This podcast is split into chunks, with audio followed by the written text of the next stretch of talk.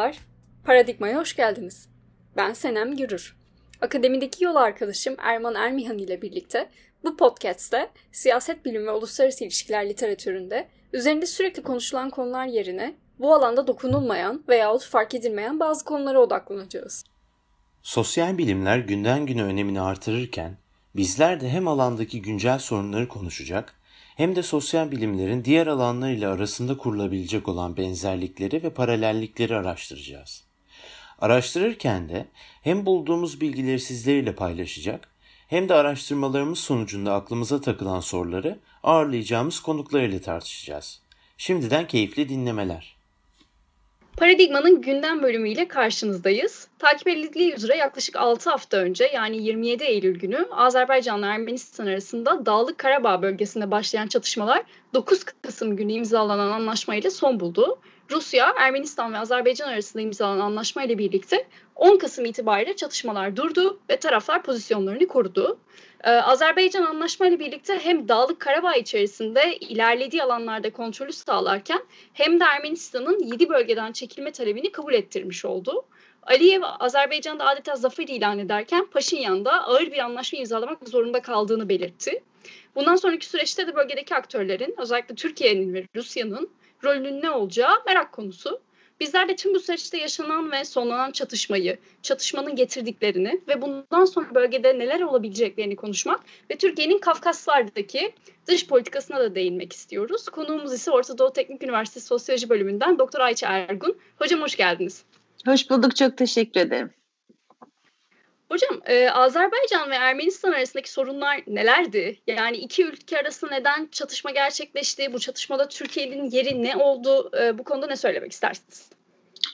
E, şimdi öncelikle e, Sovyetler Birliği'nin dağılmasından önce sizin de bildiğiniz gibi Glasnost ve Perestroika politikalarının uygulanmasıyla birlikte e, bölgede e, milliyetçilik eğilimleri ve milliyetçi bağımsızlık hareketleri e, ortaya çıktı. Bunlar Sovyet sonrası dönemde e, bağımsızlığa yol açan, bağımsızlığa sebep olan, e, bağımsızlığı beraberinde getiren e, toplumsal ve siyasal hareketler olarak karşımıza çıkmıştı.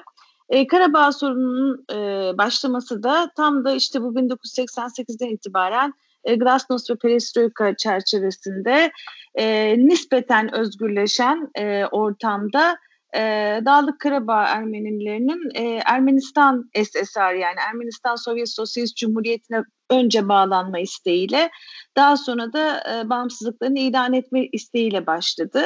E, tabii bu hem Azerbaycan'ın Sovyetler Birliği içindeki toprak bütünlüğüne toprak bütünlüğü açısından toprak bütünlüğüne aykırıydı. Hem Sovyet Anayasası'na aykırıydı. Bu yüzden Dağlık Karabağ Ermenilerinin bu talepleri e, reddedildi.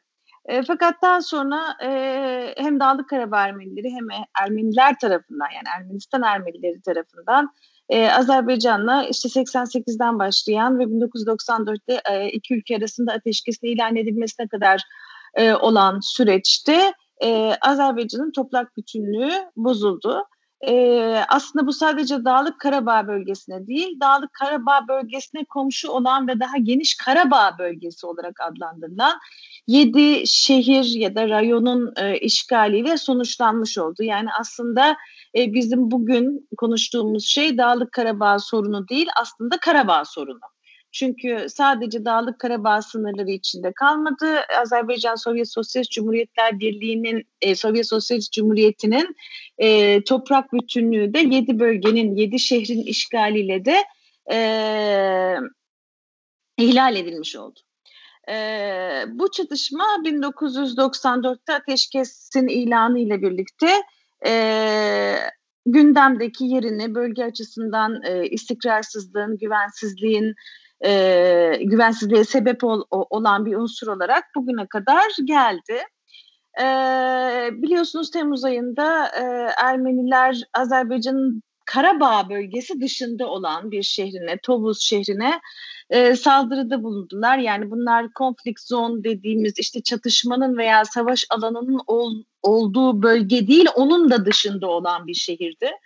Tovuz'un e, önemi sadece Karabağ, geniş Karabağ bölgesinin dışında olmasından değil, aynı zamanda e, petrol, e, doğalgaz ve ulaşım projelerinin geçtiği stratejik öneme sahip bir e, şehir olmasından da kaynaklanıyordu. Yani aslında sorun e, Dağlık Karabağ ve Karabağ bölgesinin de dışına çıkarak e, şu andaki Azerbaycan'ın e, topraklarında yer alan e, Dağlık Karabağ dışındaki bir şehre yapılmış bir e, saldırı olması açısından da e, önem arz ediyordu. E, Azerbaycan iktidarı e, devleti buna sert tepki verdi. Karşılıklı e, atışmalar oldu ama e, daha çok e, yerel düzeyde, lokal düzeyde tutuldu ve iki ülke çapında bir savaşa dönüşmedi. Fakat 27 e, Eylül'de artık Azerbaycan e, devleti daha proaktif bir e, tavır sergileyerek e, işgal altında olan topraklarını işgalden e, kurtarmak için e, askeri bir harekat düzenledi. Ee, biraz önce sizin de dediğiniz gibi bu harekatın sonucunda yani aslında biraz e, yani Eylül'den beri olan süreç daha köy köy ilerleme zaten hani milim milim ilerleme gibi köy köy köy alarak ilerleme daha sonra kasaba alarak ilerleme şeklindeydi. E, fakat e, en son e, işte pazar günü yani e, 8 e, Kasım'da ee, Azerbaycan'ın kültür ve medeniyet açısından son derece önemli olan e, moral üstünlük ve psikolojik açı, e, üstünlük açısından son derece önemli olan Şuşa şehrinin işgalden kurtarılması ile e, e, çatışmada daha doğrusu savaşta e, yeni bir aşamaya geldiğimizi e, söylemek mümkün.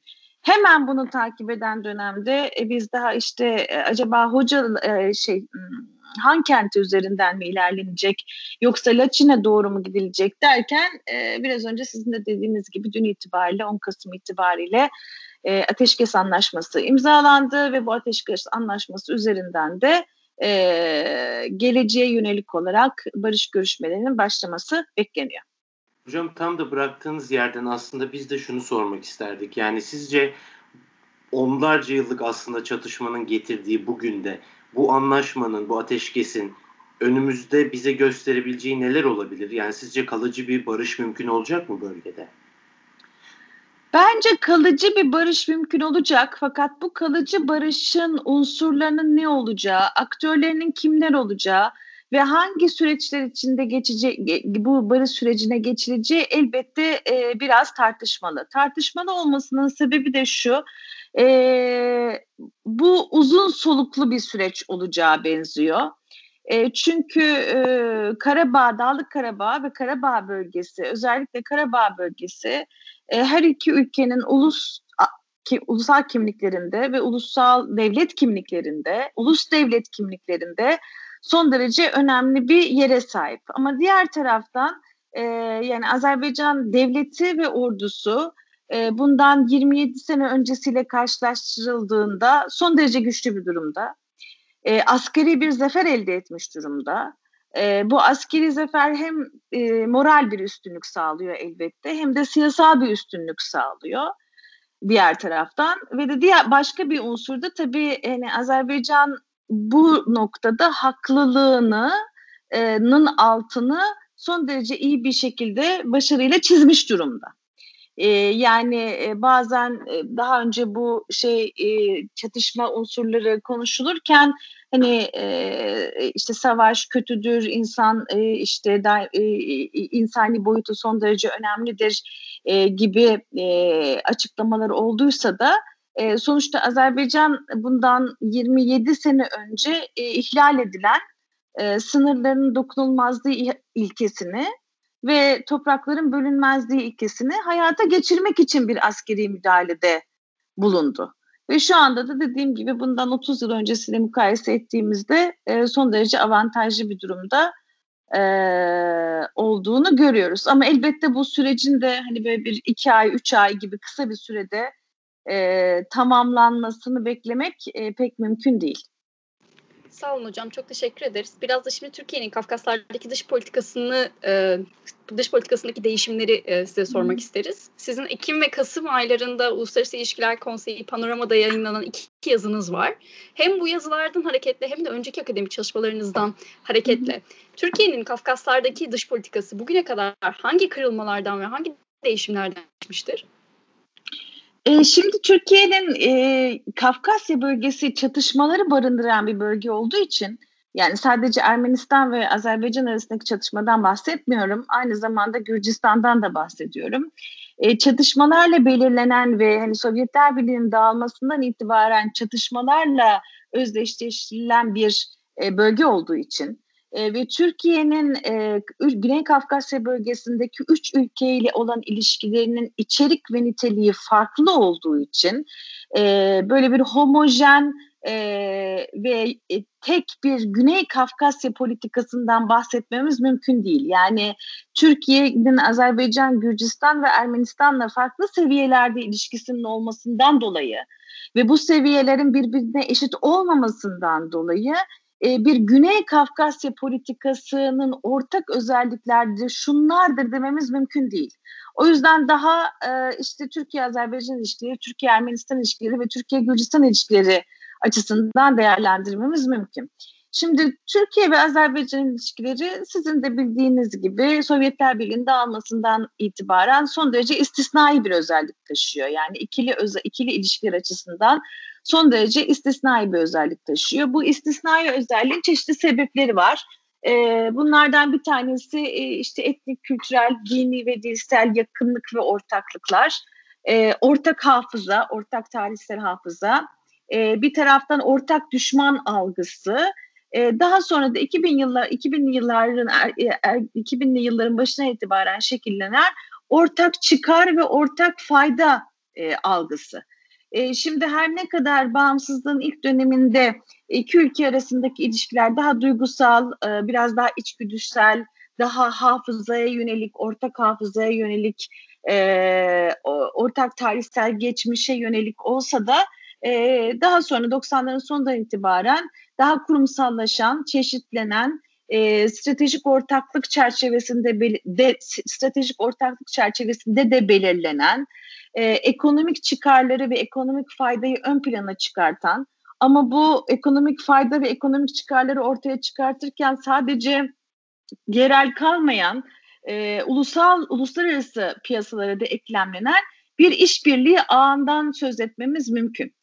E, fakat e, bu son Karabağ Savaşı örneğinde e, Türkiye'nin Azerbaycan'a verdiği siyasal ve e, moral destek e, bunların dış politika söylemlerine etki, eklemlenmesi e, ve son derece üst düzey siyasal seçkinler tarafından sıklıkla e, ifade edilmesi e, bence Azerbaycan-Türkiye ilişkilerinin artık yeni bir noktaya geldiğinin göstergesi. E, ben buna istisnai ikili ilişkilerden daha derinleştirilmiş ikili ilişkiler adını veriyorum ve bu derinleşmenin e, içeriği ve niteliğinin de e, önümüzdeki günlerde e, ortaya çıkacağını düşünüyorum.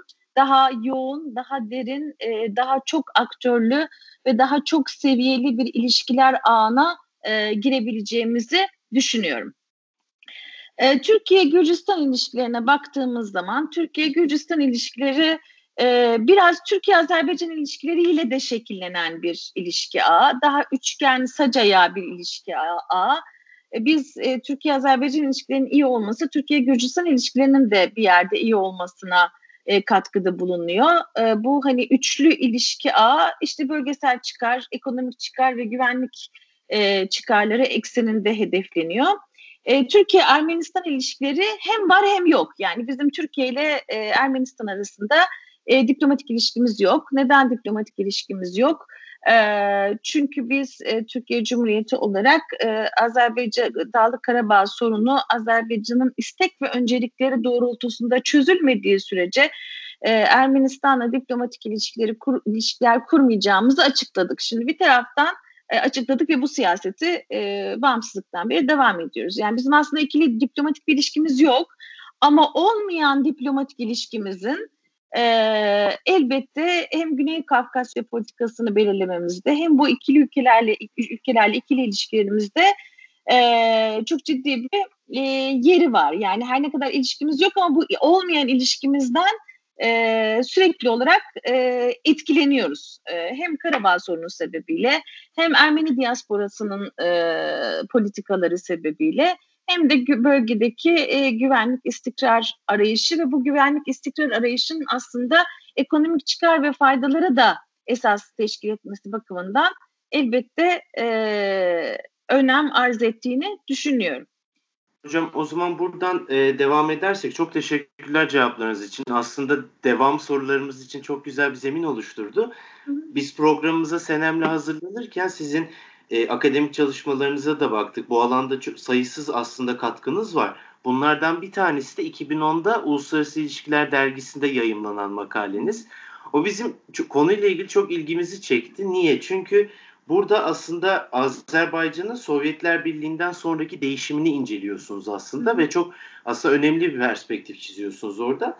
Biz de buradan şeyi sormak istedik. Yani Sovyetler sonrası süreçte de Azerbaycan'da bu makalede hem bir devamlılık hem de değişim unsurlarından bahsediyorsunuz. Bu unsurları Azerbaycan'ın bugünle de belki e, çerçevelersek Ermenistan'a yönelik politikası bağlamında nasıl okumak gerekir? E, Valla yani o sizin sözünü ettiğiniz makale daha e, iç politika e, dinamiklerini inceleyen bir makaleydi. Aynen. Ve hani Sovyet sonrası literatür yani Sovyet sonrası dönemi inceleyen literatürdeki işte bu süreklilik ve e, devamlılık ve değişim örüntülerinin bir aradalığı ve bu bir aradalığın yarattığı sonuçlar ekseninde e, ya da o kavramsal çerçevede yazılmış bir makaleydi. Şimdi bu açıdan değerlendirildiğinde Azerbaycan'ın Ermenistan'a yönelik olan politikasında herhangi bir değişiklik yok. Yani o bağımsızlıktan itibaren e, süreklilik arz eden bir e, siyaset. E, bu süreklilik arz eden siyasetteki talepler nelerdi? Bu süreklilik arz eden siyasetteki talepler Azerbaycan'ın toprak bütünlüğü e, bozulmuştur. Sınırların dokunulmazlığı ilkesi ihlal edilmiştir e, Dağlık Karabağ bölgesinde ve Karabağ bölgesinde yaşayan Azerbaycanlılar evlerinden olmuşlardır. E, kaçkın ve göçkün durumuna gelmişlerdir. E, bununla ilişkili olarak e, Birleşmiş Milletler Güvenlik Konseyi'nin kabul ettiği e, kararlar mevcuttur. E, fakat bu kararlara riayet edilmemekte, saygı gösterilmemektedir. Da, da, da, dolay, doğal olarak da uluslararası hukuk il, ilkeleri ihlal edilmektedir. E, bu haklı bir mücadeledir. E, bu burası Azerbaycan'ın toprağıdır. E, ve e, bu Azerbaycan'ın toprağı e, eğer hani barış yoluyla çözülmüyorsa yani masada çözülmüyorsa askeri yollarla halledilecektir e, ifade ve söylemleri zaten 30 yıldır devam eden ifade ve söylemler. Aslında e, Eylül'den itibaren olan gelişmeleri biraz da bu perspektiften okumakta fayda var. Çünkü yani uluslararası barış mekanizmaları, barış araçları e, ve kurumsallaşması, e, Agek Minsk grubundan bahsediyorum. E, Azerbaycan'ın beklentilerini e, yerine getirmedi yani karşılamadı. E, her zaman yani bu süreç boyunca 30 yıldır e, hep bir e, savaş opsiyonu vardı. Yani hep bir savaş opsiyonunun değerlendirilmesi söz konusuydu. E, ama e, bu yani bu savaş opsiyonu ilk defa ortaya çıkmadı ya da ilk defa gündeme gelmedi.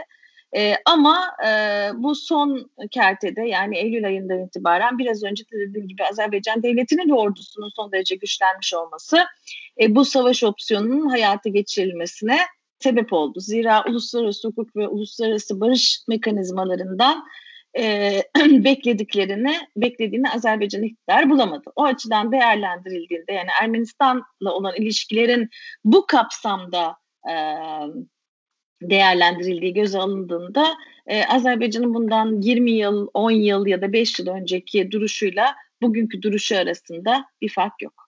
Hocam peki Türkiye'nin Rusya ile olan ilişkisi bu bölgesel çatışmalardan nasıl etkileniyor? Ya da yakın zamanda e, iki ülke arasında, Türkiye ve Rusya arasında bir gerginlik görebilme ihtimalimiz var mı? Vallahi bilmiyorum. Şöyle e, bu e, tem, gerek Temmuz ayındaki e, yani Tovuz saldırısında yani Ermenistan e, Tovuz'a saldırdığı zaman e, biz bölgeye çalışanlar e, şey dedik yani bu Rusya'nın bilgisi olmadan olmuş olamaz doğal olarak. Ee, diğer taraftan e, yani bu, bu herhalde Türkiye'nin de bir şekilde hani bilgisi olmadan olmu, ol, olmuş olamaz. Ee, ya da hani olduysa da daha sonra hani bilgisi ve ilgisi olmuş oldu diyebiliriz. Ee, diğer taraftan da yani Eylül ayından itibaren e, olan gelişmelere baktığımızda bölgede daha proaktif ve aktif bir Türkiye görüyoruz. Ee, daha sessiz ve nötr bir Rusya görüyoruz. Şimdi bu, bu bizim çok da alışık olduğumuz bir manzara değil. Türkiye'nin hem Türkiye'nin bu kadar proaktif olması açısından hem de Rusya'nın bu kadar daha çok Rusya'nın bu kadar sessiz ve nötr olması açısından. Nötr elbette hani değil sonuçta şunu da söylemek lazım yani hani e, Dağlık Karabağ ve Karabağ bölgesinin işgalinde hani Rus askerlerinin de çok ciddi bir e, desteği olmuştu Ermenistan'a e, 1990'ların başında. Ama bugün itibariyle sanki daha dışarıdan bakan, e, daha nötr kalan, e, daha sessiz duran bir Rusya ile karşı karşıyaydık düne kadar. Her ne kadar e, ilk Azerbaycan'la Ermenistan arasındaki yani bu Eylül ayından sonra e, Azerbaycan ve Ermenistan arasındaki ilk ateşkes görüşmesine ev sahipliğini yapan Rusya da, gerçi o ateşkes de ihlal edildi. E, Rusya'dıysa da daha hani böyle low profile, daha az aktif, daha az görünür bir e, tavır takındığını söylemek mümkün. Dediğim gibi ta ki düne kadar. Şimdi dün hani Rusya'nın e, aktivitesine ya da aktifliğine ya da etkinliğine geri döndüğünü söylemek e, bu iliş, işin e, e, yani olası bir barış görüşmesinin ve bundan sonraki düzenlemelerin Rusyasız olmayacağının altını çizmek e, ve bununla birlikte e, aslında AGİK'in ve Minsk grubunun da hani e, biraz bu sürecin şimdilik en azından görünen o ki dışına itildiğini ya da çekildiğini söylemek mümkün. E, şimdi e, bu açıdan değerlendirildiğinde e, Türkiye ve Rusya kendilerinin e, bölgedeki etkin ve etkili aktörler olduklarının altını e, son iki aylık dönemde çizmiş durumdalar. E, şimdi bu e, iki etkin aktörün de e, bir taraftan da e, her iki ülkedeki yani Ermenistan'daki etkin ve etkinliğinin e, Ermenistan'da ve Azerbaycan'daki etki ve etkinliğinin aynı olduğunu söylemek de elbette mümkün değil. Bu açıdan değerlendirdiğimizde e, Karabağ sorunu Türkiye ve Rusya ilişkileri açısından bir çatışma alanı olacak mıdır diye sormaya çalışıyorsanız şimdi öyle gözükmüyor. Yani bir çatışma alanı olarak karşımıza çıkacakmış gibi e, gözükmüyor ama bununla birlikte bu konuda bir değerlendirme yapmak için henüz çok erken olduğunu düşünüyorum.